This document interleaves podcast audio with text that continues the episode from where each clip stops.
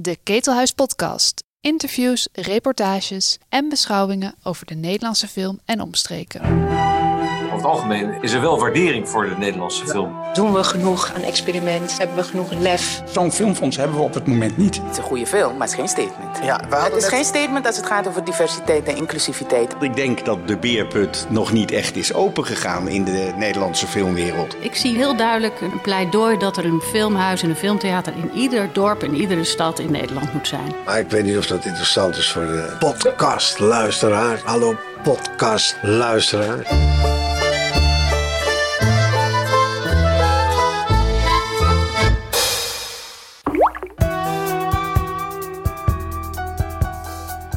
In het tweede openbare gesprek over documentaire dilemma's, georganiseerd door de DAF, gaan Marina Meijer en Marjoleine Boonstra met elkaar in gesprek.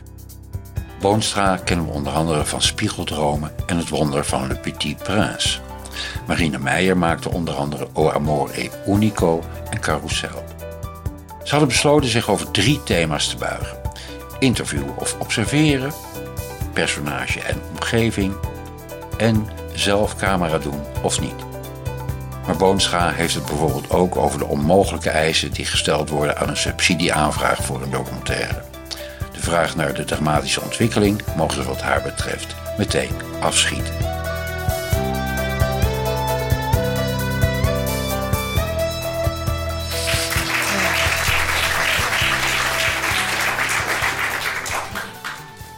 Dank jullie wel. Oeh. We vinden het allebei heel spannend. En we zijn ook allebei zenuwachtig. allebei zenuwachtig. Ik Is stelde, we hebben elkaar net voor het eerst ontmoet. Ehm, ik ken Marjoleine's werk goed. Ik vind dat je heel bijzonder werk maakt. Maar we hadden elkaar nog nooit ontmoet. Ook al is deze filmwereld zo klein. Elkaar nog nooit tegengekomen. Maar ik ben heel blij dat je hier met mij wil zitten. Marina mag iemand uitkiezen. Nee. Dat ben ik geworden. Ja. Dus ik mocht iemand uitkiezen. En ehm, nou ja, goed, eh, de- zenuwen. Ik dacht, een van de dingen waarvan ik hoopte was dat zenuwen ook in een documentaire maken of bij zo'n première, dat je weer het podium op moet en weer een praatje moet geven of zoiets. Ik hoopte dat, dat Marjoleine zou zeggen: Oh, daar heb ik inmiddels wel een truc op gevonden. Maar Marjoleine is nog steeds net zo zenuwachtig als ik. Dus daarin ben ik helaas teleurgesteld. Maar ik ben heel blij dat ik nu je dit gesprek voor hopelijk andere dingen aan kan gaan. En ik wil beginnen, wat Jenny net al zei, met het eerste thema wat we samen hebben uitgekozen, namelijk interviewen of observeren. ja. Grijp je in tijdens het draaien met een interviewvraag? Of observeer je en hou je mond? En daar hebben we twee tegenstrijdige fragmenten van. En het is leuk, denk ik, om daarover te praten. Wanneer grijp je dan in en waarom grijp je niet in? Eh, ja, ben je streng voor jezelf of, of ben je zenuwachtig of wat is er aan de hand? Dus we hebben eerst een fragment van jou. Ja, we kunnen nu. Het is een, een, het begin van Cesar Zomer, de, mijn laatste film. En ik denk dat het goed is om het gewoon even te kijken. En dan kan ik daarna erover vertellen waarom ik dat hiervoor heb gekozen. Weet je wat ze vroeger deden met autistische jongens? Wat je had vroeger gedaan met uh, brutale jongens. Nee, echt, echt, dat zag ik. Ik zag vandaag op Facebook. En eh, ze stopten autistische kinderen.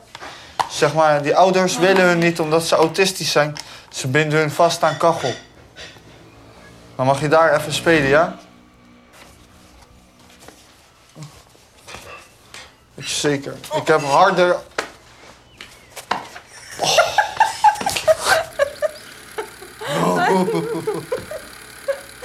Is dat? Ik doe dat niet, maar waarom ben je niet zoals mij? Omdat ik niet als de deur hier is en ik sla de deur kapot. Dat heel Waar is jouw deur? Waar is jouw deur?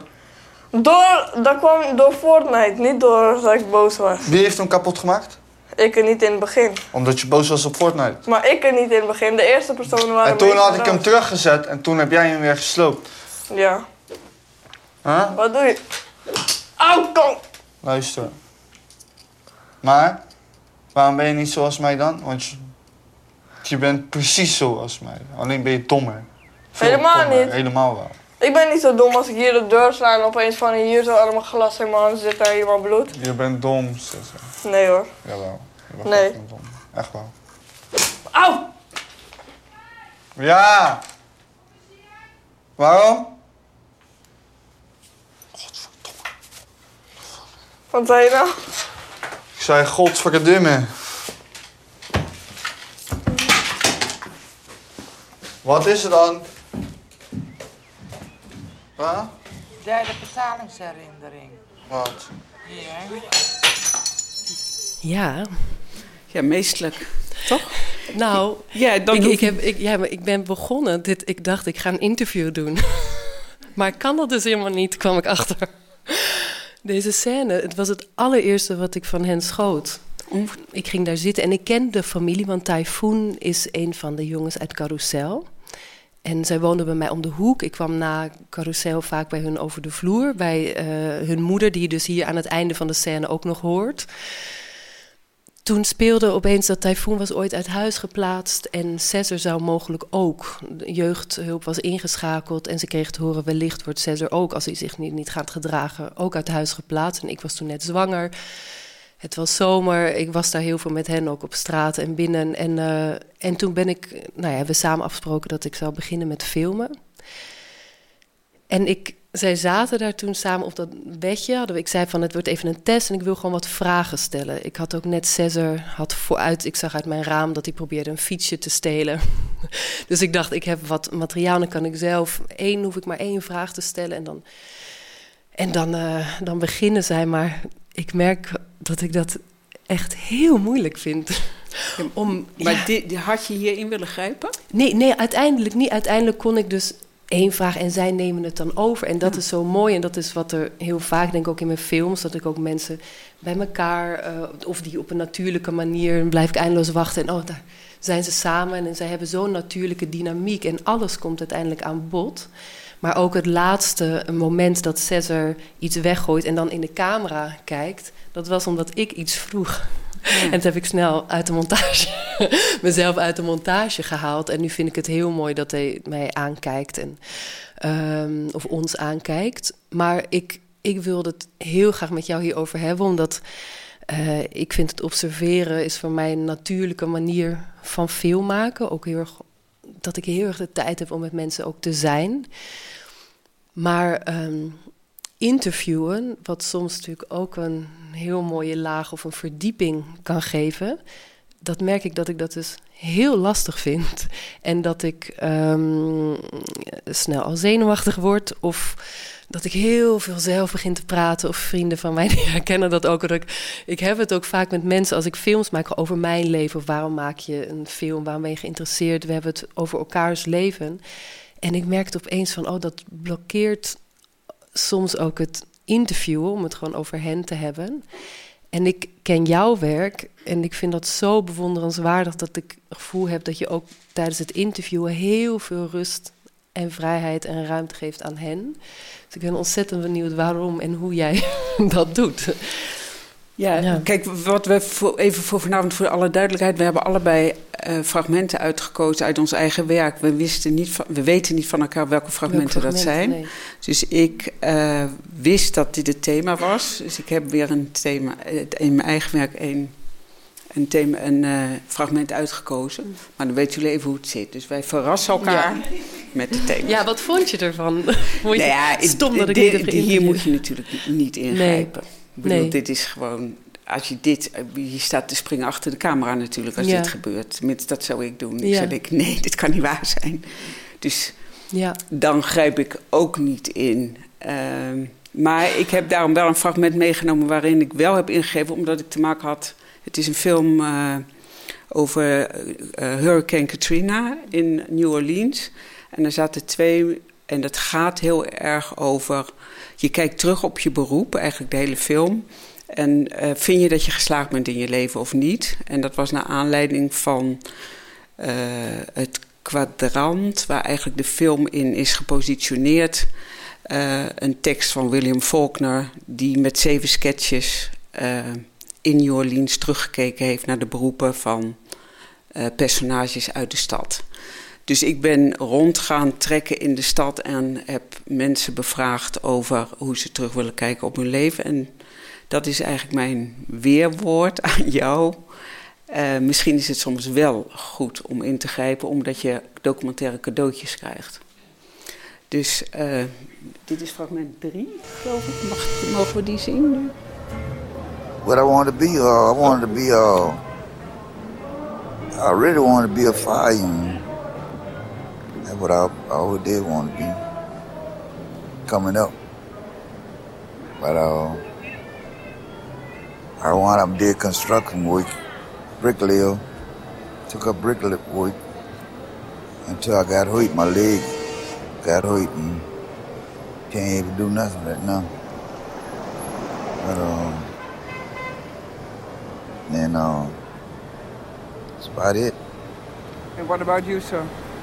Well, I was coming up as a little kid. I wanted to be a race car driver, but I couldn't make it there. So the next thing I used to say, well, I'm gonna be a truck driver, and I wound up being a professional truck driver for 35 years. It was exciting. Meet people everywhere. And I loved it. Till I lost my legs in 90. And what was your biggest love in life? My, my biggest love in life? Huh? My biggest love in life now is my two kids. Besides that, was driving on the highway. Love that. And what is your biggest love in life? Um, I got two sons, a daughter. Well, they grown now. I got grandkids, and um, that's all I think about every day. I ain't them in so long.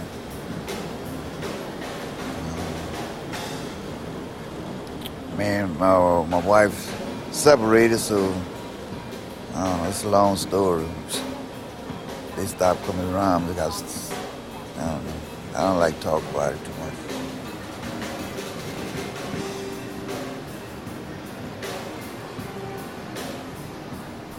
Can you tell me about your friendship? We sit out here every day. We stay in the same apartment that we sit out here every day and, and uh, Drink. drink and talk about different things, you know. Tell lies. yep. All that there. Mhm. We get along pretty good though. So you're living like man and wi- like man and wife. No, Yeah, no, we- no, we, no, uh, no, no, no, no. We uh We, live like friends. Ain't no man and wife to it. Oh no, I'm not no. funny. No, we ain't funny. know ain't funny. funny. I, We just good Long tight way friends. from there. I no, see. no, uh-uh. Mm. That ain't my ain't like bag. that. I Don't love women too much for that. Thank you. What is your best wish for the future? Well, my best, my best wish for the future, I wish I could have some legs. That's my best wish. But that's not going to work. But I can keep it in my mind. Ain't, no- ain't nothing wrong about wishing that you had legs. You had them one time, but I lost them. I wish me day I can get out of this chair because this chair here is killing me. As long as I've been here, I still haven't got used to it. But this is the only way I can get around, the only way I can make it work. So be satisfied with it. One day in the hereafter, I might be back here again, walking. See? That's what I believe. En dan gaan William Faulkner weer verder met een personage. Eh, ja, ik denk dat deze mannen niks tegen mij hadden gezegd als ik hun geen vraag had gesteld. Dus eh, op een beetje, eh, bijna een beetje botte manier er zo'n een Mhm. algemene vraag in gooien. Zonder heel precies te zijn, Ja. eh, vind ik wel leuk om te doen. Ja. En Daar word je niet zenuwachtig van. Nee, nou, lef, nee ja. maar je moet op, op- kijk, als regisseur moet je soms ook dingen activeren. Ja, en daar, dan is het soms. eh, en dit, ik bedoel, deze film is in twaalf dagen gedraaid. We waren twaalf dagen in juli. Een lange documentaire, 70 minuten. Eh, Twaalf draaidagen. Ik kende niemand. Je, je valt in New Orleans en je, na twaalf dagen ben je er weer uit. Dus het is ook een heel, ander, eh, heel andere aanloop. Ja, eh, het als voelde ook als een roadtrip door de stad haast. Ja. En wie je tegenkomt Ja. en wie je, weer- bij wie je weer weggaat. Of dat mensen inderdaad soms zelf weggaan op hun eigen tempo. Ja, Ja. Dus, dus, dus ook de conditie waaronder je een documentaire moet maken, geeft soms ook aan dat je als regisseur actiever moet zijn. Ja, zeker. Omdat, eh, ja, anders dan... Ik heb mijn eerste documentaire naar de Filmacademie gemaakt in Kazachstan. Ik had met mezelf afgesproken, ik vraag geen vragen. Nou, maar dat betekent ook dat we soms anderhalve dag in het aardappelveld zaten. Ja. En dat Ja. er gewoon helemaal niks gebeurde. Nee, nou, Dat dat is mijn denkt, hele oh, leven ga- ongeveer. ja. En, eh, en het was echt een principe voor mij. Dus het is ook, eh, denk ik, bij iedere film weer de vraag... Ik heb altijd een lijstje van dit doe ik bij deze documentaire niet... dit doe ik bij deze documentaire wel. En daar had ik me gezegd, je gaat geen, vragen. vraag stellen. Nee. Uh, nou ja, het tijd, de, ook de tijd is natuurlijk wel een groot onderdeel inderdaad erin. Ja. Of wanneer grijp je in of niet en hoeveel tijd heb je. Ja. Ik denk als over de filmacademie, mijn eindexamen Cargo was ik eigenlijk heel ongelukkig over. Ook omdat ik voelde, ik had gedraaid en ik voelde, ik heb het net niet. Ik draaide toen ook op film op, met een crew. En eh, toen hadden we net een prachtig moment. Oeh, De filmrol was, was op. Ik dacht, oh, daar was het net. Daar gebeurde net inderdaad een botsing. Of daar kwam voor mij de kern naar boven. En toen, maar de filmrol was op, dus dat hadden we niet. En ik heb toen die hele montage... Ik heb uiteindelijk, nou je moest ook met een componist werken en heel muziek gebruikt om maar proberen te laten voelen wat ik dan erin wilde. En uh, ik had eigenlijk na die film dacht ik van, oh, ik heb mezelf, maar ook de man over wie het voornamelijk ging, Frans, een, een, een zeeschipper, echt verlogend. Doordat ik niet de rust en de tijd had om, dat, om zijn verhaal, of ons verhaal te vertellen. Dus maar wat ik, had je anders willen doen? Ja, nog een keer terug op het schip. En, um, en ik denk wat ik ook heb geleerd is. Uh, want ik, later denk ik, misschien had ik het wel in het materiaal. Maar was ik ook nog niet zeker genoeg om gewoon iets anders uit, uit te gaan proberen of met dat materiaal in handen. Uh, er werden ook docenten die zeiden: Je bent romantisch, jij ziet het er allemaal in. Die man heeft helemaal geen liefdesverdriet. Het was een oude zeeschipper die zijn vrouw had verloren uh, jaren geleden. En hij zat het op het schip en iedereen op het schip had weer iemand, een geliefde of een kind om naar terug te keren en hij niet. En in die montageperiode dacht ik, oh ja, misschien heb ik het wel. Maar er werd toen zo gezet, jij, je ziet dat voor je. hij heeft helemaal niet dat liefdesverdriet, dat ben jij gewoon. En, en uh, toen was de film klaar. En toen ging ik naar hem toe. En uh, hij belde me, hij zei, ik heb mijn hele huis gewit. Hele huis heb ik gewit. En ik dacht, hè? Hij zei, want hij zat normaal altijd als hij weer thuis aan wal was, aan, aan, aan de drank. En ik dacht, hij heeft zijn leven omgeslagen. Maar wat bleek is dat hij een nacht had gedroomd over zijn oude liefde. En dat ze had gezegd, kom naar mij terug. En toen heeft hij een scheermesje gepakt. En daardoor waren zijn muren rood met bloed. En daarom oh. had hij het nieuw geschilderd. En ik kwam bij hem thuis en ik liet hem de film. En ik had ook een poster van hem laten schilderen. En hij zakte op de bank en begon te huilen. En zei, oh, dank je wel. En toen heb ik op dat moment gezegd van... Oh, ik ga nooit meer naar anderen luisteren als ik iets voel... en met mensen een connectie heb en we voelen iets... en we gaan een film samen aan, want ik doe het toch ook met de mensen... Nooit meer iemand laat me zeggen dat ik iets in mijn hoofd haal... of dat ik maar iets heb verzonnen... Uh, en gewoon de tijd en de rust nemen om dat verhaal met de mensen te vertellen. Dus toen volgens na de filmacademie heb ik mijn eigen manier en dus gevonden van oké, ik ga gewoon heel veel tijd nemen. En toen met Carousel een jaar lang daar gezeten en eindeloos gezeten en gewacht en gewacht. En, en ook, maar het is ook interessant wat jij zegt met dingen initiëren. Dat je moet, tuurlijk moet je ook ingrijpen. En Cesar en Typhoon hadden eigenlijk op dat moment heel weinig contact. Typhoon was heel veel met zijn werk en uh, met zijn vriendinnetje bezig. En ik heb toen echt gezegd, ga samen even op dat bed zitten. Want je weet dat de broertjes, en ze lijken ook op elkaar in zekere zin... Uh, daar komt dan van alles uit. Maar dat is eigenlijk nauwelijks meer dat ik dat doe. Ik probeer dingen heel erg op zijn beloop te laten. Maar hoeveel draaidagen had je? Voor, voor zes zomer? Ja? Ik heb gedraaid totdat het niet meer mocht van de visio. Want ik was zo'n buik op een gegeven moment. Toen kwam ze erachter dat ik ook... Want ik draaide dan zelf en ook met een geluidskoffertje. Dat het zei ze van, wat, hoeveel kilo is dat wel niet? En dat was denk ik... ja, verspreid over, over een periode van vier, vijf maanden. Maar dan, ik ging gewoon naar hen toe. Ik woonde bij een om de hoek, dus Ja, maar dat één keer dus per week verschil. soms. Ja. Toch? Ja. Daardoor eh, krijg je gewoon een andere film. Ja, ja, en dat is, maar dat is dus ook iets omdat ik soms ook denk van, oh ja, dat gewoon met mensen zijn is ook voor mij een van de grootste dingen in dat film maken, dat, dat ik dat kan. En dan, toen zag ik ook jouw website en ik vind dat je zulke mooie films hebt gemaakt. En ik ging op je website kijken en ik dacht, hè? Bleef maar scrollen dat je zo waanzinnig film maakt. Dat vind ik ook echt heel bijzonder.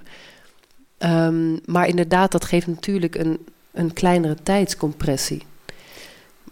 Ja, maar jij zei net van, eh, bij die eerste film was ik daar en daar niet tevreden over. Ik wil langer bij de mensen Ja. zijn. Maar ik denk dat je op die manier ook films maakt. Ja, Je houdt op ja. met een film en denk je, dit heb ik niet goed gedaan. Dat moet volgende keer anders. Of di- dit heb ik nu te vaak gedaan. Ik neem nu een andere weg. Ja. Ik, hè, eh, ik, dat, ik vind het heel erg leuk om mensen te interviewen met een spiegel.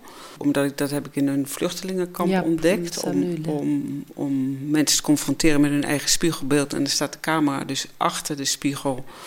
En de mensen spreken met zichzelf. En ik heb eigenlijk altijd die spiegel bij me in de koffer. Hmm. Maar ik moet er eigenlijk ook van af, van die spiegel. Maar hij is eigenlijk Hij veel te leuk. Ja. dus eh, nou wordt hij soms gemonteerd in de film... zodat mensen niet in de gaten hebben dat er een spiegel stond.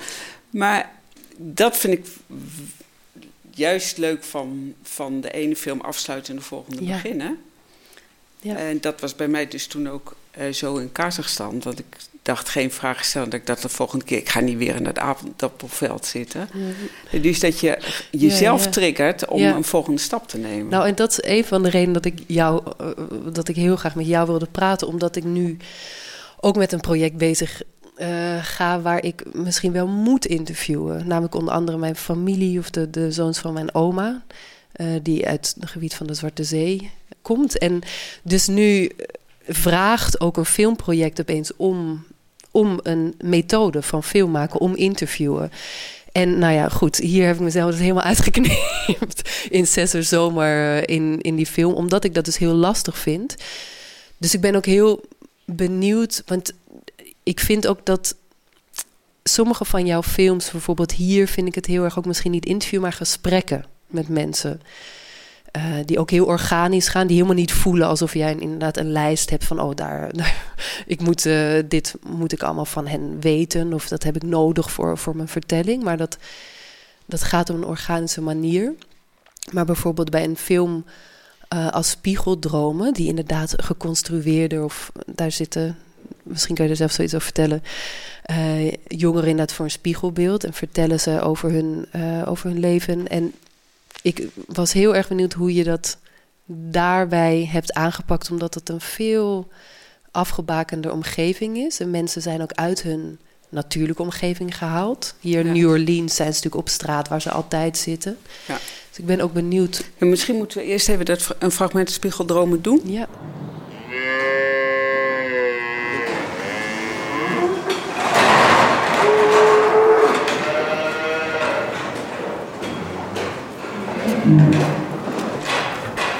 Het is eh, ik vind het dier heel mooi. En, eh, het is altijd mijn lievelingsdier geweest. Daarom wil ik het heel graag doen. Daarom loop ik hier ook stage.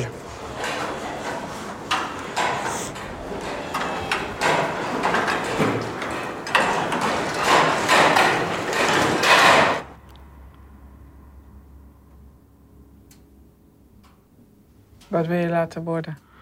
Eh, bij, bij mijn vader in het bedrijf.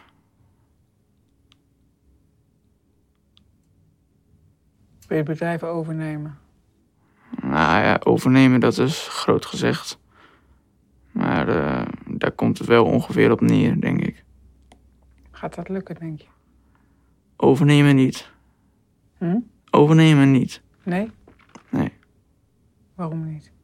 Ja, ik, eh, ik ben daar niet slim genoeg voor.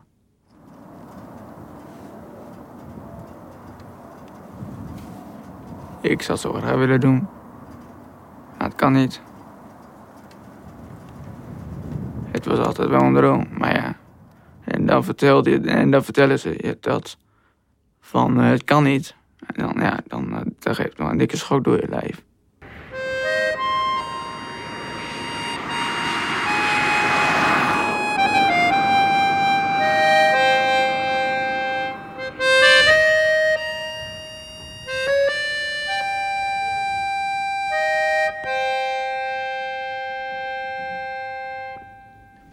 Fijn toch, om een keer zo heel rustig naar jezelf te kijken. Ja. Ja, heel fijn. Uh, ja, dit waren dus leerlingen van praktijkonderwijs die geen uh, diploma krijgen als ze afgestudeerd zijn. En die ook vaak geen, uh, die gewoon geen positie hebben op de arbeidsmarkt. Dus ik sprak met hun over hun toekomstperspectief. In een besloten kring eigenlijk, met die spiegel. En ja, gewoon over dingen van het leven. En uh, dat ja. is het. ja. ja. En konden zij alleen zichzelf zien? Of Ja, zij zien dan hunzelf. En dan, het is, het, het is zo'n psychologische observatiespiegel die je misschien wel kent. En uh, ja, die is zo groot en die heb ik dan bij me. En die stel ik dan op in een soort zwarte tube. En dan zit ik achter de camera. Dus het leuke is dat je, omdat je natuurlijk, uh, ik zit dan zo dichtbij ze. Uh, en er zit maar een meter tussen. Dus je raakt elkaar bijna fysiek met de stemmen aan, terwijl je elkaar dus niet ziet. En uh, dat maakt dat, dat het makkelijk is om vragen te stellen, omdat je verder geen ruis om je heen hebt. En dat, iemand, dat je iemand ook emotioneel vaak heel dicht bij zichzelf kan brengen. En uh, ja. Ja, ik vond het ook heel mooi. Ik, ik heb deze laatst voor de tweede keer gezien, want ik heb hem een paar jaar geleden uh, had ik hem al gezien. En ik moest nu weer uh, precies op hetzelfde moment huilen. En dat was bij een van de allereerste shots dat Milène of Mireille, een meisje die dan, en dan zeg je ga zitten en kijk jezelf eens aan. En zij kijkt niet uh, naar zichzelf. Ze, ze, kan zichzelf niet aankijken. En vond ik zo ontroerend. Uh, en nu dan later in de film inderdaad zie je dat... Nou ja, vraag je inderdaad, kijk eens naar jezelf. Naar verschillende van de jongeren. En zoals hij nu ook. Zo ontzettend mooi. Maar je voelt ook dus dat het heel klein en intiem... een moment tussen jullie tweeën is. En dat ik ook gevoel heb, zeker bij het meisje waar ik net over heb... dat zij ook haast tijdens het interview weer groeit. Omdat zij dus door vragen die je stelt en door de, het gesprek wat jullie hebben, dat ze zichzelf steeds meer in de kracht ook komt. Dat vond ik heel mooi om te zien. En ook nu bij deze jongen. Maar um, hier in dit fragment zijn ook een aantal observatiemomenten. Dus dat is ook door de hele film. Dat Ja. je inderdaad gesprekken met hen hebt en hen ziet hoort praten over hun leven. En dan vervolgens zie je eh, momenten inderdaad van dat ze aan het werk zijn of zie je. En ik was ook benieuwd, heb jij die daarna gedraaid? Is dat door elkaar gegaan? Heb jij Nee, hoe- ik moest eigenlijk op die school draaien, maar ik vond die school zo vreselijk. En, eh, en die lokalen. En, eh, dus toen dacht ik, nee, ik pak mijn spiegel terug. Ja, Eh, oh, dat is het gewoon geweest. Es- en- pure esthetiek gewoon. Ja, want ik voelde me zo ongemakkelijk Oh, daar. Want er was zo grappig. ontzettend veel lawaai op zo'n praktijkschool. Ja, ik werd helemaal gek en die geluidsman ook. Ehm, Ja, want het is nu echt een zen- Het is echt zo'n bubbel, dit. Ja, het is zo'n project dat je dan, weet je halverwege denkt... nee, ik moet een andere weg in. Het gaat gewoon helemaal mis. Maar ik ben wel benieuwd bij jou waarom... Je voelt je toch dan door zo'n film ook wel aangespoord om zelf vragen te gaan stellen, of, of niet? Ja, dat zou je denken, ja. Nou, ik heb wel, ik moet zeggen dat ik inderdaad in mijn film, dat is ook in Cesar Zomer en ook in de eerste film naar de Filmacademie, een uh, OMO Unico, eh, dat daar wel momenten in zijn dat ik een vraag heb gesteld en dat mensen antwoord Ja. geven. Dus dat, het- dat zij gewoon. ehm, dat zijn niet per se interview, ik weet niet eens of het een gesprek is, maar dat je zo uitnodigt om even hun hart te kunnen luchten. Ja. Dus dat zijn wel, dat heb ik wel in mijn films, dat op een gegeven moment is en dat ik zeg, goh, of vertel eens. Of, en dat, eh, eh, Maar waarom ja. vind je het zo moeilijk? Nou, dat, oh, ik vind dus dit... Waarom vind ik dat zo moeilijk? Waar zie je tegenop nu straks als je daar aan de Zwarte Zee zit? eh? Nou ja, het is dus nu. Dat is dus. Als ik dus gewoon met iemand voor me zit en ik moet vragen gaan stellen, heb ik het gevoel dat ik iemands leven helemaal. Dat elke vraag, of de eerste vraag al meteen goed moet, moet zijn. En dat ik ook. En ik heb heel erg het gevoel dat ik precies ook al moet weten, dus wat ik moet vragen. En ik, ik denk, ik ben gewoon best wel een control freak. En doordat ik observeer, kan ik dat ook loslaten. Want mensen, nou we hebben veel eh, gesprekken, maar ik kan ook van oké, nu gaat het, nu neemt de realiteit het over. Maar met dat interviewen is er dus ja, iets waarvan ik gevoel heb, nu moet ik het gaan doen en ik moet hun ook niet teleurstellen. En ik moet heel goede vragen gaan ver- verzinnen. Dus ik vind ook als ik dan spiegeldromen kijk, de manier waarop jij dan een vraag stelt, denk van wauw, wat een rust, gewoon wat een rustig gesprek. En dat, eh, ja, ik zou, ik zou daar ook graag willen komen. Maar dat vind ik gewoon heel lastig blijkbaar. Ja, nee, ik heb, wel, ik, heb, ik heb natuurlijk ook van de interviewboeken gelezen, allemaal hoe je het moet doen. Ja, maar daar word ik dus nog zenuwachtiger Eh, van. Want dan, oh, oh, dan Ja, maar ik, dan, ik, ik, ik- letterlijk in mijn lijf van... oké, nu ga ik het Nee, maar het leukste uit dat boek was dat die, diegene dan vertelt van het beste interview wat ik heb afgenomen, was toen degene die ik eh, bij mij langskwam, die was op, gevallen. Die had het nylon kousen kapot en we stonden samen in de badkuip en toen heb ik het interview gehouden. Oh, ja, dat soms, om maar aan te Oh, geven, ja. de situatie heel erg kan helpen. Dat je allebei Iets kan loslaten. ja, en dat wat je wil doen, moet loslaten om. Maar we moeten naar het volgende thema. We moeten naar het volgende thema. Dat is... Ehm, oh ja. Personage en omgeving. Ja, want wat mij opviel bij jouw film eh, over Rotterdam. ehm, is dat jij helemaal niks hebt laten zien van de omgeving waar die jongens een soort herscholing kregen. En toen dacht ik, waarom? Waarom mag ik de plek niet zien? Ja. Ook omdat het een heel lelijke plek was. Dus ook esthetisch. daar zitten we op één lijn. Nee, dat, dat kwam ook. Ik liep daar eigenlijk al bijna een jaar rond om research te doen. En om vertrouwen te winnen, omdat ook de plek heel beschermend was naar de jongens. Wat mij juist vertrouwen ook in de begeleiderschap van oké. Misschien ze- moet je even vertellen waar de film over gaat. ja, oh, Dus het, eh, dat is carousel. En dat speelt zich af binnen de vier muren van de Nieuwe Kans. Een transformatiecentrum noemen ze het op Rotterdam-Zuid. Eh, en de film gaat heel erg over de interacties tussen de jonge mannen daar en, de, en hun begeleiders. Ehm, en toen ik daar bezig was met researchen, het ging voor mij oh, om heel veel dingen. Ehm, maar ik eh, moest ook denken aan een stuk eh Huis clos, gesloten deuren van Sartre. En dat stuk dat speelt zich af in een ruimte, afgesloten ruimte, met gesloten deuren, gesloten ramen, geen spiegels.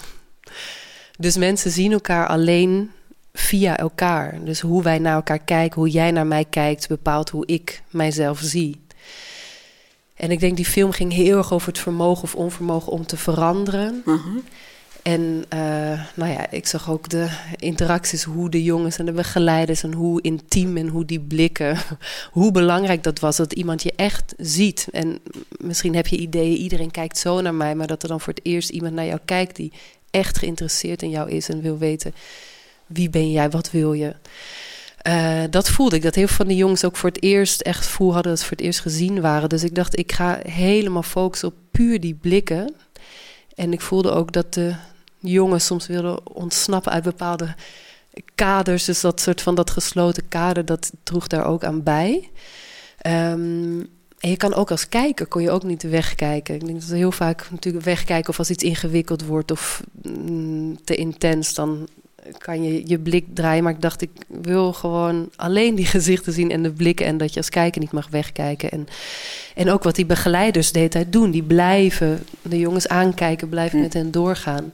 Dus dat waren denk ik verschillende redenen dat ik dacht, ik ga helemaal op die jongens. En, Zullen we iets laten zien? Is ja, dat is goed. Volgens mij is dat een leuk. fragment van Carousel eh, laten zien. van Nabil. Waarom loop je nou weg tijdens een gesprek? Hé hey, luister, dan ga me niet hoofdheet maken in de ochtend, vriend. Laat me met rust. Nee, ik maak je hoofd wel een beetje heet. Nee, laat me met rust. Ga niet verder met mij praten, hè, school maak Hoeft hoofd niet. ook heet. Hoeft niet. Oké, klaar. Ik weet hoe het op school gaat, toch? Is goed, klaar. Dankjewel voor het gesprek, klaar. En ik beëindig het nu. Nee, het beëindigt Jawel. niet nu. Jawel. Begin maar met de les. Dus ik wil niet ouwe heel de dag. Het is ochtend, man. Het is geen iets hier tien uur. Je komt mijn hoofd helemaal gek maken, man. Je bent helemaal lijp in je hoofd, vriend. Rustig. Begin je les te volgen, man. Je gaat niet de hele tijd... eh, bra, bra, bra, bra. Maar Je weet, precies, je weet precies hoe ik ben, toch? Je weet precies hoe ik ben. Ik hou niet van mensen die veel praten, toch? Is goed. Begin met jouw les. Ga niet de hele dag mijn hoofd gek maken in de ochtend, man. Begin met de les. Geef die lijn wat we moeten doen. Geef, we gaan dit klaarmaken. Klaar, Amati. Kom me gek maken hier zo. Zieke man. Ik weet niet zo goed wie wie gek aan het maken is. En Je mij gek te maken. Wat eh, dit, dat, dit, dat. Maar ik wil deze energie gewoon niet hier hebben. Dus je, van mij mag je even proberen om een kwartiertje af, eh, Nee, gewoon eh, jezelf weer te vinden buiten dit lokaal. en als het niet. niet lukt, ga gewoon rustig naar huis. Nee, maar ik ga niet naar huis. Ja, dan neem je, probeer je even een break te nemen buiten het lokaal en straks gewoon positief binnen te komen. Ik zit in de les, klaar. Ja, maar ik, de- je neemt nogal een vibe mee die afspiegelt op de rest en op mij vooral ook. Wie spiegelt op mij af? Zeg Bij maar. mij. Ik, maar ik krijg er negatieve energie van. Dus probeer Wat een kwartiertje- dit, dat, KitKat. KitKat vind ik wel een mooie. Ja, ik denk ook, of we hadden natuurlijk personage en zijn omgeving. Ehm, ik heb tijdens mijn eindexamenfilm en ook toen een- de film daarna, eh O Amor Único in Brazilië, was de omgeving heel erg een, een rol in, eh, of speelde heel erg een, een rol ook in de vertelling. Ehm, en dat ik, ik had ooit van Ed Lackman een heel mooie masterclass gehad, een, een camera, camera, Amerikaanse cameraman, en die had het over de emotional landscape van de karakters of van de filmmaker en de karakters. Ik dacht van, oh wauw, of prachtig verwoord het emotionele landschap. En daar waar ik in Braziliaanse film en in de film Cargo heel erg de zee en de bergen en nou ja, verschillende elementen uit dat landschap eh, van de mensen had gebruikt ook voor de vertelling, dacht ik toen ik ook, ja, ten eerste inderdaad in dat centrum is heel weinig natuurlijk landschap, maar ook al het landschap zit ook in de jongens en ook in de begeleiders. Maar hier bijvoorbeeld bij Nabil, hij is natuurlijk nou ja, goed, pittig. En je ziet dus, het er, het ervan af. Maar als dan vervolgens René, de begeleider, zegt van... goh, weet je, we gaan gewoon naar huis... dan zie je dat Nebel, je hoort het aan zijn stem... maar zijn hele gezicht zakt in, want hij wil niet naar huis. Voor wat voor reden ook, dat mogen we zelf invullen. Maar thuis, dat is nog erger dan hier zijn, of daar is in ieder geval liever niet. En dat vond ik dus ook heel mooi van als je zo op die gezichten focust, hoe je dan ook die kleine veranderingen van, van een vulkaan die kan uitbarsten tot opeens heel intiem kleine ja, jongen die hier wil blijven zitten op die stoel en stuur me niet naar huis. En vervolgens natuurlijk weer kan, kan uitbarsten als, de, als René weer iets verkeerd zegt of, en dan wegloopt. Maar dat, ja, dat vond ik interessant. En ik, wat ik ook merk is dat ik... Maar ik heb natuurlijk zoveel ook uh, eindeloos gekeken en gestaard. Maar ook dat bij Nabil hier... Er zijn natuurlijk alleen de gezichten te zien. Maar soms ook nu dat er... Er is altijd een deur hier in de achtergrond. In dat shot van hem. Van, er is altijd een deur zie je op de achtergrond. Van waar die kan weglopen of...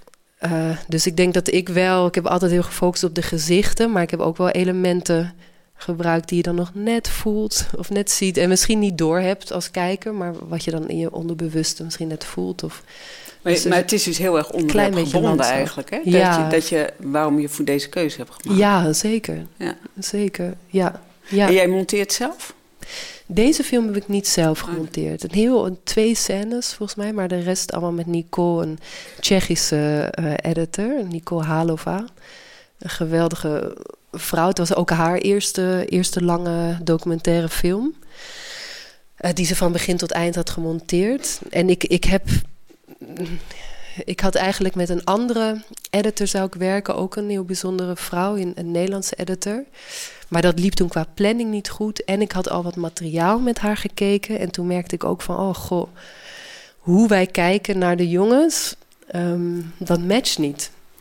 En dat is toch. En Nicole is uiteindelijk erbij gekomen en is ook weer heel anders dan ik en ook heel kritisch. Maar de manier, op de een of andere manier, hoe we keken, ja, stemde ook overeen. Dus dat voelde heel natuurlijk om samen te werken. Ja. Ja, maar want jij gebruikt ook heel veel landschappen en omgeving. Over Nou ja, emotioneel ik- ik- landschap ik had gesproken. een eh, fragment dan. eh, hè, Ja. ook- Kom maar. Eh, m- oh, Among Horses and Men. Ja, misschien is Oh, ja. eh, Le Petit Prince beter.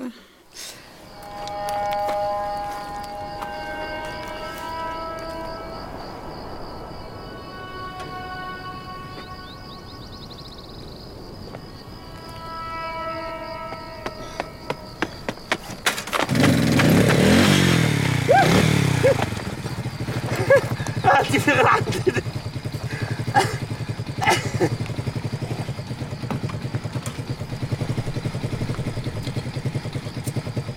آه. يا هاد هبه ودا تهريتين خص من الخلاه إيه؟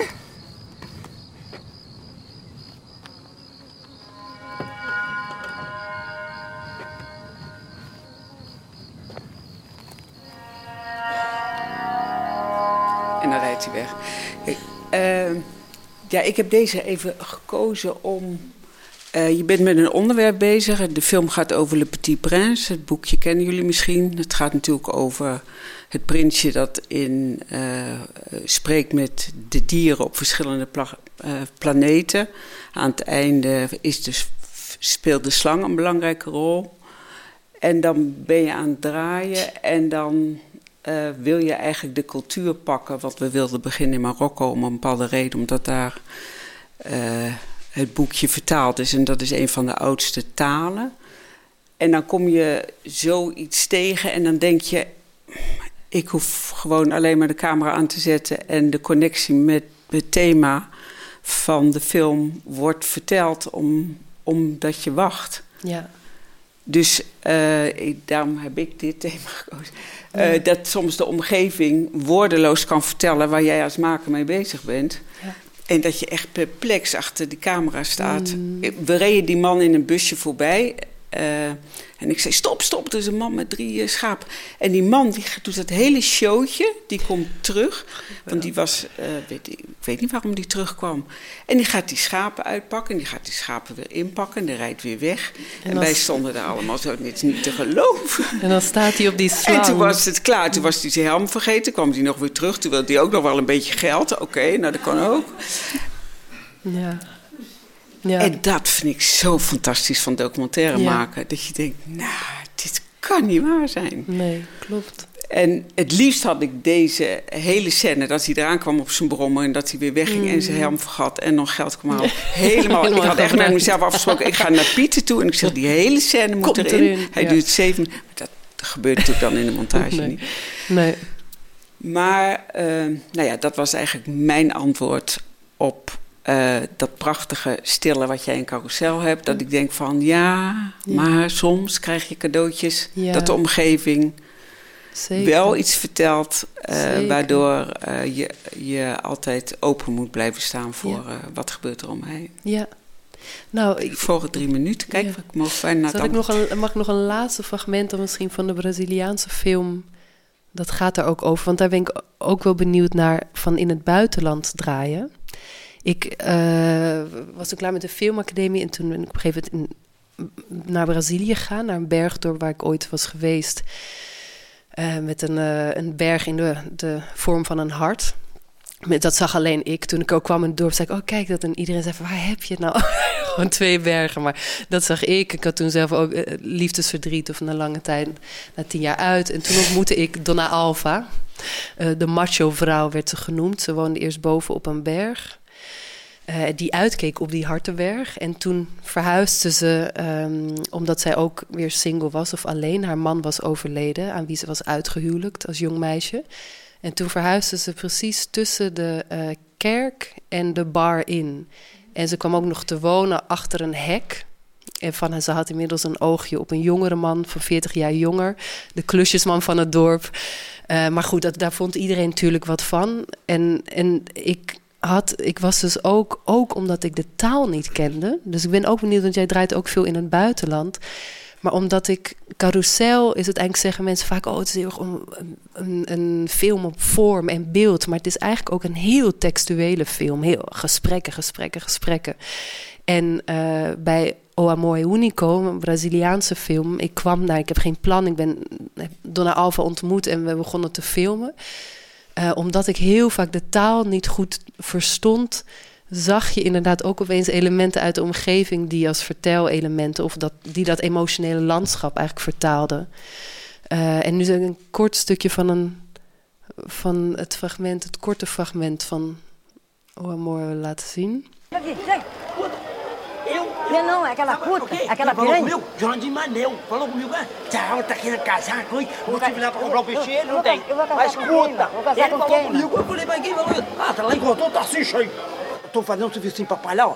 Papai que falou assim, ó, mamãe lá em besteira, vai botar Eu não quero ficar perto, não, eu quero não. Eu estava dividindo nele, eu estava dividindo. Mamãe tá querendo arrumar um botar lá dentro. Eu ó, papai, eu não Ele, ele tinha na minha casa, não. Aqui. Papai falou, Aqui, papai cá, falou. escuta, escuta. Aqui, ó, aqui, vem cá, olha aqui, aqui. Sabe o quê? Disse que ela chegou lá no, no, no 26, ela e Nelly. Bem, Tá doida pra, pra, pra Marquinhos, foi lá, botou pra, ela. Ela. Eu não quero Marquinhos, não. Mas Jurandir Manel que falando comigo. É, eu eu- não, eu- Jurandir, eu não sei eu- nada, eu não não. Jullie não. zien hier links boven het hart getekend. Naast het hek.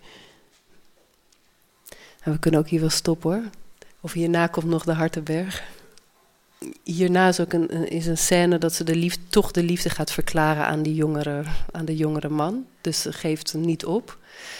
Maar wat ik dus merkte ook, dat ik, ik was aan het filmen en ik had alle elementen, het hek waarachter ze was. En, maar dat er dan ook daarnaast had haar kleindochter een hart getekend. Dus dat je dat hart links ziet en dan het hek rechts. Ik vraag me soms af als ik nou de taal had, had gekend en dan heel erg bezig was geweest met puur het gesprek, eh, had ik dan net zoiets gezien. Dus dat is soms ook interessant dat ik denk van, oh ja, je moet natuurlijk, we kunnen gaan namelijk over nu naar het derde thematiek. Zelf camera doen of niet. Ehm, dat ik vind het heel fijn is om ook lange tijd met mensen te zijn. Dus daarom doe ik ook vaak, of eigenlijk de laatste film zelf camera. Ehm, maar ik vind het ook heel lastig, want je bent met zoveel bezig. Je bent heel erg aan het luisteren, wat zeggen de mensen, maar je moet ook heel goed kijken. Dus het kijken en luisteren tegelijkertijd. Ehm, en dit fragment vond ik opeens. Dat ik dacht van, oh ja, dat was ook omdat ik dus de taal niet, niet goed verstond. Dat ik ook weer veel meer ging kijken. En in Carousel was het juist veel meer ook op tekst. En was ik ook tijdens het filmen heel erg gewoon gericht op... oké, helder vormkader, alleen de gezichten. Eh, dus hoefde ik ook verder niet meer heel veel te kijken. Maar vooral heel veel te luisteren. Maar ik ben heel benieuwd hoe, hoe jij dat ook... dus ervaart het zelf camera doen of niet... en waarom je daar soms wel en soms niet voor kiest. Want spiegeldromen heb je zelf. En de Kleine Prins ook. Ja. Of niet? Ja. Ja. Eh, ja, zelf even terugkomen nog op die taal. Ja.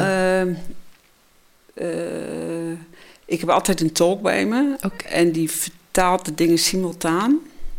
En Wat dus ook tijdens het interview, nou, dat betekent dat, hij, dat ik een oortje heb en dat Ah. hij een microfoon heeft.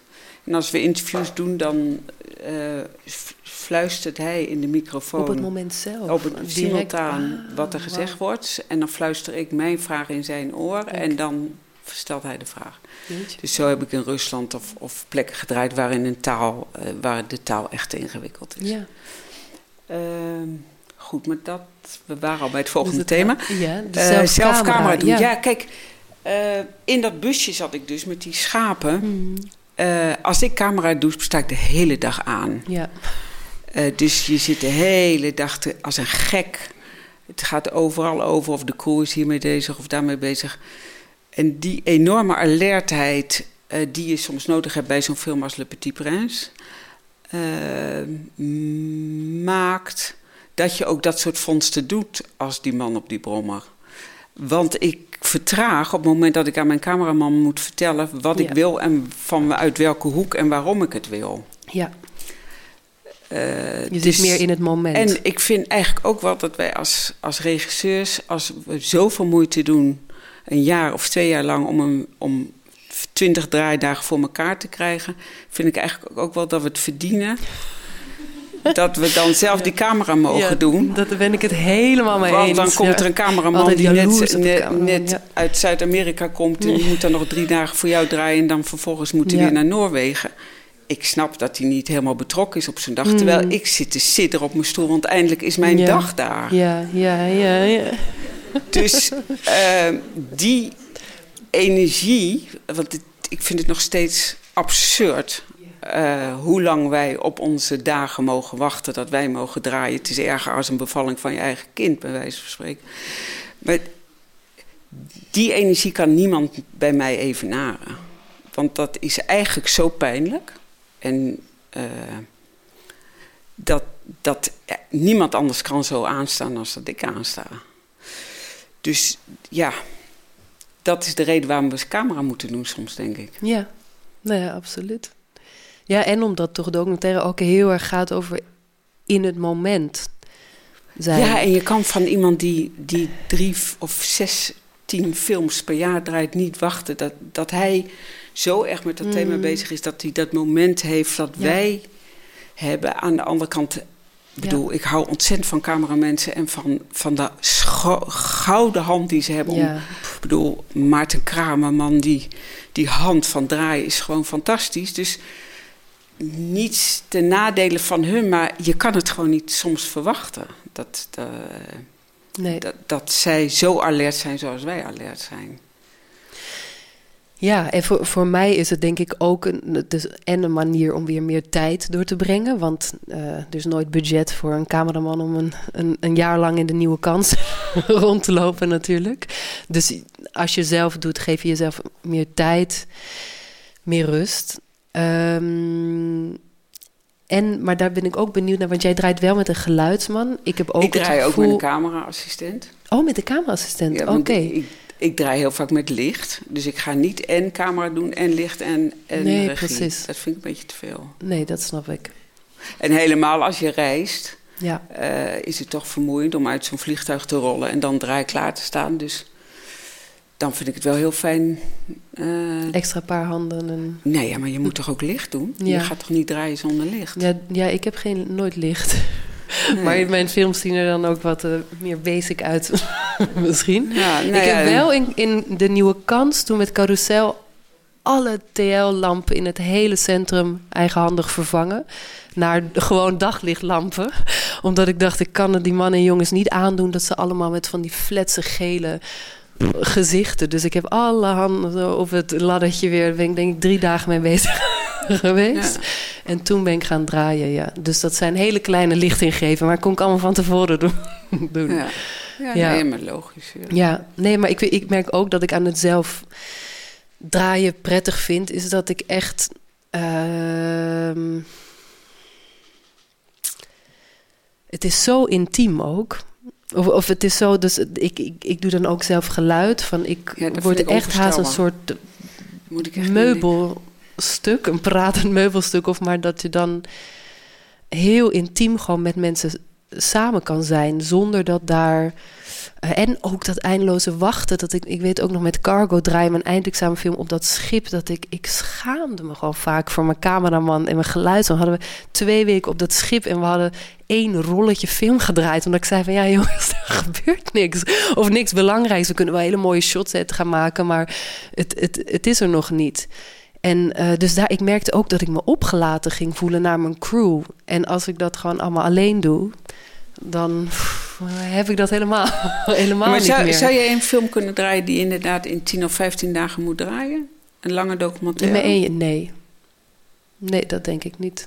Dus, Nee. dus dit wordt jouw manier om gewoon lang, een lange draaiperiode te hebben van op zijn minst 30 draaidagen. Ja, tenzij dus het, het onderwerp natuurlijk iets anders vraagt. Of zoals nu dat je misschien toch mensen over een verleden moet interviewen of iets. Dan, eh, dan gaat mijn aanpak, wat ik nu doe met puur observeren... eh, en lang tijd met mensen doorbrengen, dat gaat dan opeens niet meer op. Omdat de film zelf iets anders vraagt. Ja, dus dat vind ik ook heel spannend om die nieuwe uitdaging dan aan te gaan. Maar ehm, nee, ik, kijk, ik, ik heb ook en dat vond ik eigenlijk ook geweldig dus aan de filmacademie. Ehm, heb ik echt geleerd doordat ik juist met een cameraman en crew moest draaien. Ik mocht ook geen Mhm. camera daar aanraken. eh, dat ik wel heel erg heb moeten leren van om te verwoorden waar je naar op zoek bent. Want dat is natuurlijk een van de allermoeilijkste dingen. eh, van wat, wat, wat zoek je nou precies? En als iemand anders opeens inderdaad dat idee waar jij oh, je hart en oh, Ja, vreselijk. waar je zo van dat, dat hij of zij dat moet gaan filmen. Dat moet je dan ook zo precies kunnen verwoorden. En dat vond ik wel een ontzettend belangrijke lessen van hoe vertel je dat dan? En waar moet dan een nadruk op liggen? En wat is, wat is echt belangrijk? Wat is een kern? Waar gaan we naar op zoek in beeld en in geluid? Ehm, dus dat heb ik ook heel erg van geleerd. Ik, maar ik denk ook dat dat, bedoel, dat het ook logisch is dat het, je, bedoel, je kijkt zo Ja. eh, fanatiek, dat als je dan wat in, in, in die hoek zit en je moet dan gaan zeggen, eh, die hoek om, om dat en dat en dat, bedoel, dan is het moment bijna al weg. Ja. Dus eh, ik vind het ook niet zo raar. Dat je de woorden even niet vindt om aan de cameraman uit te leggen dat hij zijn statief die kant op moet Mhm. sturen. Maar vind jij ook dat er nadelen aan zitten als je zelf draait? Als ik zelf draai. Ja, wat, zijn er ook nadelen? Ehm, nou, dat het wel soms eenzaam is. Want naast dat je natuurlijk kan hebben over inhoud en over de film, gebeuren er ook gewoon heel veel dingen tijdens draaidagen en emoties. eh, die je dan wel kwijt. Ik kan veel bespreken met de mensen eh, met wie dan de film maakt of over wie je de film maakt. Maar dat is toch anders dan een crew hebben met wie je even, goh, wauw. Pff, Dat was heftig. Of eh, gewoon even napraten. Jij bent helemaal alleen, gewoon. Ja, ik ben, dan, ik ben natuurlijk dan helemaal alleen. En dat vind ik soms wel lastig. Maar nou, mijn vriend is er heeft alle. Die krijgt alles gewoon. Als ik weer thuis kom, denkt hij, ja, komt ze weer. Moet ik weer gaan luisteren naar de, naar de draaidag. Dus je hebt natuurlijk andere mensen of momenten waar wie je wat kan delen. Maar ik weet dat ik dat bij, aan Cargo wel ook heel bijzonder vond. Dat je met een crew samen iets maakt en dus ook ja, daarin dingen Huh. kan delen als makers. Eh, als je een goede cameraman hebt, is ook echt een maker. Een goede Ja, maar geluidsman. dat ook. vind ik bijvoorbeeld ook fijn van een geluidsman. Ja. Als ik dan even met die camera aan het rommelen ben. Ja. Ik werk dan altijd met Kees de Groot. Ja, hetzelfde. Maar die vangt dan bijvoorbeeld even het napraten op met degene die ik net geïnterviewd heb. Ja, ja, ja. Ik, eh, ik bedoel, dan is een blik al genoeg dat ik denk, oké, dan kan ik even... Kan even rust nemen. Nou, rust niet, maar dan ben je even met die camera bezig of je verwisselt een Ja, lens. ja. Maar dan weet je ook dat iemand eh, even opgevangen wordt. Dat je niet Mhm. iemand die je geïnterviewd hebt in de kou laat staan vlak na dat interview, omdat je door moet. Of... Ja, ja. Dat snap Dus ik. dat vind ik wel heel fijn als, als je een kleine crew hebt, dat je, dat je elkaar ook een beetje hand- en spandiensten. eh, Kan overnemen. Ja, ja. ja. Ja. Nee, ja, het is, er zitten zeker ook nadelen aan. Maar ik vind het ook zo ontzettend heerlijk. Maar om jij gewoon in mijn eentje te zijn. bijna Niet bij aan- Nee, de laatste Want dat vind ik dus ongelooflijk. Zelf monteren. Ja, ja, daar moet ik e- echt. Niet aan denken. Nee, nou niet aan denken, maar ik heb het ook echt nodig dat een eh, editor mij helpt om, om te zoeken waar de essentie van de Mhm. film ligt. Ik vind eigenlijk dat de film in de montage. Opnieuw weer. Ja, dat Ja. is een nieuwe fase en dat is zo fijn om dat samen te doen. Ja, vond ik ook bij Carousel. Ik had bij Carousel dus niet aan moeten denken om, eh, om, dat zelf, om dat zelf te doen. Ook omdat het zoveel verschillende personages en dat ik nog niet wist. Het enige wat ik wist is dat ik wilde dat het in een carousel, dat je erin wordt gegooid en eruit. Maar verder qua een soort structuur of hoe het zou verlopen. eh, dat was echt nog een zoektocht. En ik werd er al helemaal van, oh, als ik dat alleen moet doen. Maar bij Cesar Zomer, de laatste film en ook de Braziliaanse film, vond ik het ook heerlijk om zelf te monteren, omdat het ook zo'n vrijheid geeft om gewoon te spelen. Mhm. En, te, en ook uit een soort van veiligheid, want niemand ziet natuurlijk de, eh, nou, hoe slecht ik eigenlijk kan filmen. ik ben gewoon ook echt geen cameravrouw. Ik ben, niet, ik ben ook wel eens gevraagd: Goh, zou, jij misschien eh, mijn film of ik heb nu een project, kan jij dan misschien draaien? Zeg van nee, doe het niet. Ik ben echt, ik ben geen DOP. Als een film. Weet je, je wil uit, vanuit de inhoud iets maken en dan, nou ja, daar het beste. Maar ik, ik kan helemaal niet veel. Ik kan niet handheld, ik kan niet waanzinnige riders. Ik heb ook een constructie bedacht, een kleine camera op een geluidskastje, op dan of een statief of een monopod. En dan zit in dat geluidskastje heb ik dan zes zenders zitten, of die zitten dan in een belt om mijn, om mijn buik heen. En daarmee kan ik bewegen, maar dat is dus ook beperkend in de vorm. En ehm, waar was ik gebleven? Waar was ik gebleven? Nou ja, waar, waarom je jezelf draait. Ik vind trouwens onzin dat je van jezelf zegt dat je geen DOP bent. hoor. Oh nee, dat ook niemand in de montage ziet. Ja, maar dat ik, dat, het is toch ook confronterend. Ik vind ze vaak shots ook oh, niet mooi. Of dat ik net, dat ik weer... Ik, het is, en ik vind dus echt, als ik alleen dus ook monteer... dan valt dat helemaal van me af natuurlijk. Van dat ik niet, dat, dat iemand anders dat niet hoeft te zien. Ja, het is zo stom, hè? De onzekere tuthola ben ik misschien ook.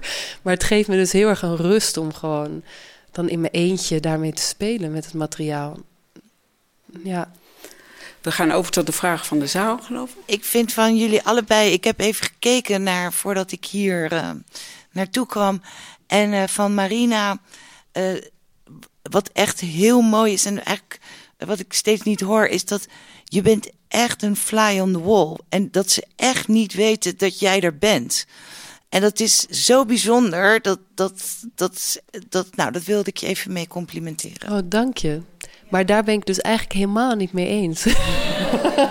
nee, nee, nee. Ik vind het heel goed dat je zegt, want dat heel veel mensen zeggen dat namelijk tegen mij van, Gon, hoe doe je dat dan dat je zo onzichtbaar wordt? Maar ik ben juist heel zichtbaar. Ik ben ook, en het is ook, er zijn ook fragmenten in mijn film voor bij Zes Zomer dat hij naar mij kijkt. Of eh, zelfs als Nabil, zo, als hij zegt van... Ja, je weet toch, ik hou niet van mensen die veel praten. Dan kijkt hij soort van schuin naar mij ook. Want ik, als ik helemaal begin met praten, soms hou ik niet op. Maar het, ik, ik, ik heb juist heel erg... Ik zeg ook altijd tegen mensen... Ik, ik ben er. Ehm, omdat ik dat, en dat is ook iets interessants wat ik op de filmacademie inderdaad, eh, of van sommige mensen meekreeg. Inderdaad, je moet eh, wat meer onzichtbaar of probeer dan gaan de dingen zich afspelen. Maar ik ben juist wel altijd heel erg aanwezig. En ik zeg ook altijd tegen mensen van tevoren, als je ook niet fijn vindt, als ik dat moment film, zeg het gewoon meteen tegen me. Je hoeft niet als de camera aanstaat dat, dat, dat er dan eh, niks gezegd mag worden ik ben er wel ook altijd. Dus, mijn, eh, ja, dus dat is wel waarom ik snap, heel goed snap dat je het zegt. Want ik ben niet opeens een raar iemand in de omgeving. Eh, mensen, ik film ook mensen die ik heel graag mag. Eh, dus er is altijd een vertrouwen al van tevoren voordat ik film. En, En de, dat, wel, zo voel, zo voel je ja, het als ja. toeschouwer. Dus ja, dat, dat- ja, nee, dat is zeker. Ik denk ook dat het in momenten ook echt is. En ik denk ook dat er momenten zijn dat. Daar had ik het ook laten in over. Dat ik zei van ja, ik heb ook gevoel dat zij mij soms gebruiken. En dat klinkt misschien vreemd, maar ik heb Donna Alva heeft mij gewoon meegestept. Kom, we gaan nu hem verrassen. Ik ga, moet je nu eens horen wat ik tegen hem ga zeggen. En dan in dat moment is dat natuurlijk is zij met hem bezig en eh, doe ik er even niet meer toe. Maar ik merk ook heel erg dat eh, ja, ik onderschat ook de mensen die ik film nooit van ze gebruiken ook mij om hun verhaal te vertellen. En dat voel ik, dat op sommige momenten heeft dat even weg. Maar er zijn altijd momenten dat ik weer ook in de montage zit en denk van... oh ja, nu, nu zijn zij... nu nemen zij het van mij even over. Ja, en dat voelt heel natuurlijk, omdat we maar... ehm, ja, maar ik ben juist heel blij dat je het zegt. Want dat, dat fly in the wall is denk ik ook een soort... Het is een natuurlijke staat van zijn, eh, waardoor dat dan ook komt. Ja. Marina, jij vindt het eh, eh, moeilijk om gesprekken of interviews te doen. Doe jij nooit voorgesprekken? Jawel, nou ja, voorgesprekken is ook misschien een vreemde eh, term. Ik, hoe ik nu dus films maak is gewoon eerst, ik ben heel erg met mensen en ik ken hen ook al, ook voordat ik ga filmen vaak. Dus dat voelt heel natuurlijk, omdat dat een soort van doorloopt, maar dan ik met camera. Ehm, maar dat, dat is toch. Ik praat dus eindeloos met mensen naast het filmen door. En soms ook tijdens het, eh, tijdens het filmen. Maar dat, ja, dat interviewen vind ik dan toch echt iets anders. Om, misschien is, komt dat ook omdat ik heel erg gevoel dat interviewen... dat ik dan ook iets bij mensen moet halen in een bepaalde tijd of iets. Terwijl misschien leg ik daar dan ook te veel druk op. Ehm, want uh, als, het, als het gesprek niet gaat zoals is, doe je dat een, een, uh, doe je het een volgende keer weer. Maar ik, dat idee van dat je iets moet halen of binnen een bepaald daar, ja, dat vind ik lastig. En dat is wat ik dus zo mooi vind in Marjoleines film. Dat ik, ik films, ik voel die druk niet. Ik voel heel erg dat zij ook nog ruimte overlaat. Dat mensen dan opeens iets anders zeggen. Of, uh, dus een soort van vrijheid daarin. Maar ja, voor gesprekken heb ik dus... Ik doe gewoon altijd heel veel research of ben heel veel met mensen. En dan uiteindelijk komt de camera of het filmen erbij. Organisch. Op een organische manier, ja. Marjolein, um, doe jij voorgesprekken met mensen? Nee, liever niet. Nee, liever weet ik niks en ik ga ook niet op uh, googelen. Want, uh, nee, want ik vind het zo vervelend dat ik dingen weet waarvan ik... Uh, in Spiegeldromen ook was bijvoorbeeld een jongetje die zei... mag ik straks ook even? Natuurlijk mag je gaan zitten, ga maar zitten. En toen ging hij opeens vertellen dat zijn, uh, dat zijn moeder was overleden. Oh, ja, en ik prachtig. vroeg niks. Ja. En dat was me bij Among Horses and Men ook al overkomen. Dat een jongen ineens begon over... Ik heb wel eens eerder zo in de spiegel gekeken... toen mijn zusje net was doodgeschoten. En omdat ze mij dan overvallen met hun verhaal... reageer ik ook vanuit mijn hart, zeg maar. Of heel natuurlijk... En ik merk dat ik dat fijner vind, ook om dan wordt interviewen ook niet zoiets van ik moet dit weten of ik moet dat weten, want ik weet namelijk niks. En dan helpt mij om in het moment te reageren. En uh, dus ik vind het heel vervelend als, als daarom heb ik ook zo'n hekel aan die NPO-aanvragen omdat je dan je hoofdpersoon moet je voorstellen. Je moet alles van hem weten. Je moet alles oh, ja. van hem zeggen. Er moet een dramatische ontwikkeling in zitten. Terwijl ik denk, de dramatische ontwikkeling zit soms in de film... of in het moment dat het gebeurt. Mm. Ik, ik vind het zo raar dat ik al het dramatische moment moet weten... voordat ik ga draaien. Ik, ja.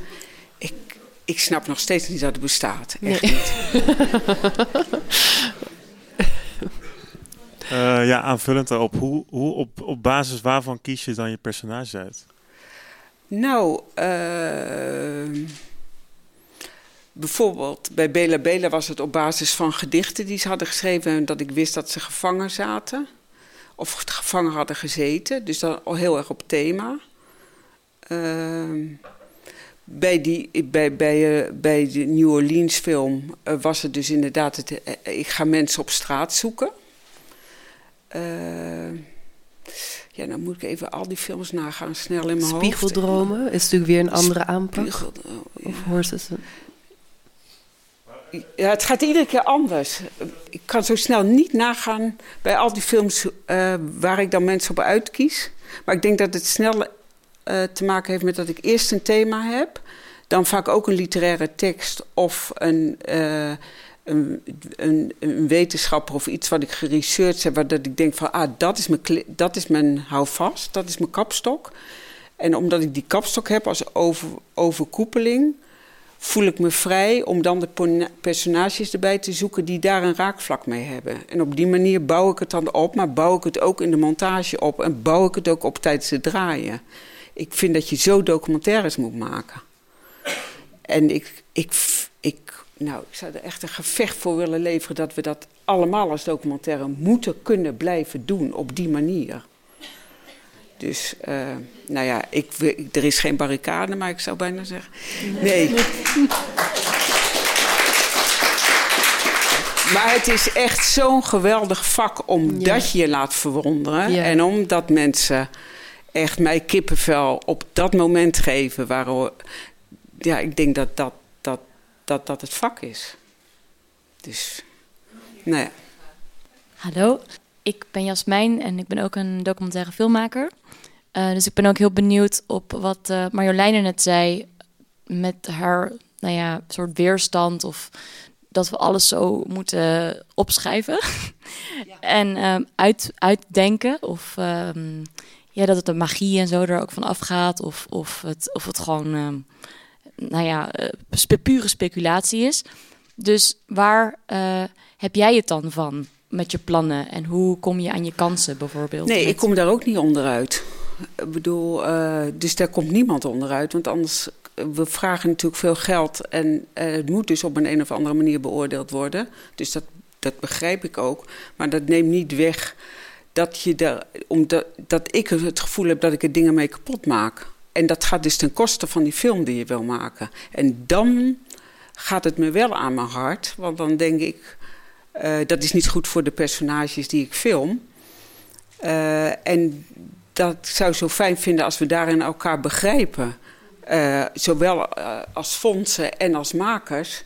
Dat het ook echt dingen kapot maakt. En, en ja, dat, dat is eigenlijk het gevecht wat ik leven. Waarom bedoel, je, we komen natuurlijk, we, we, vragen geld en we.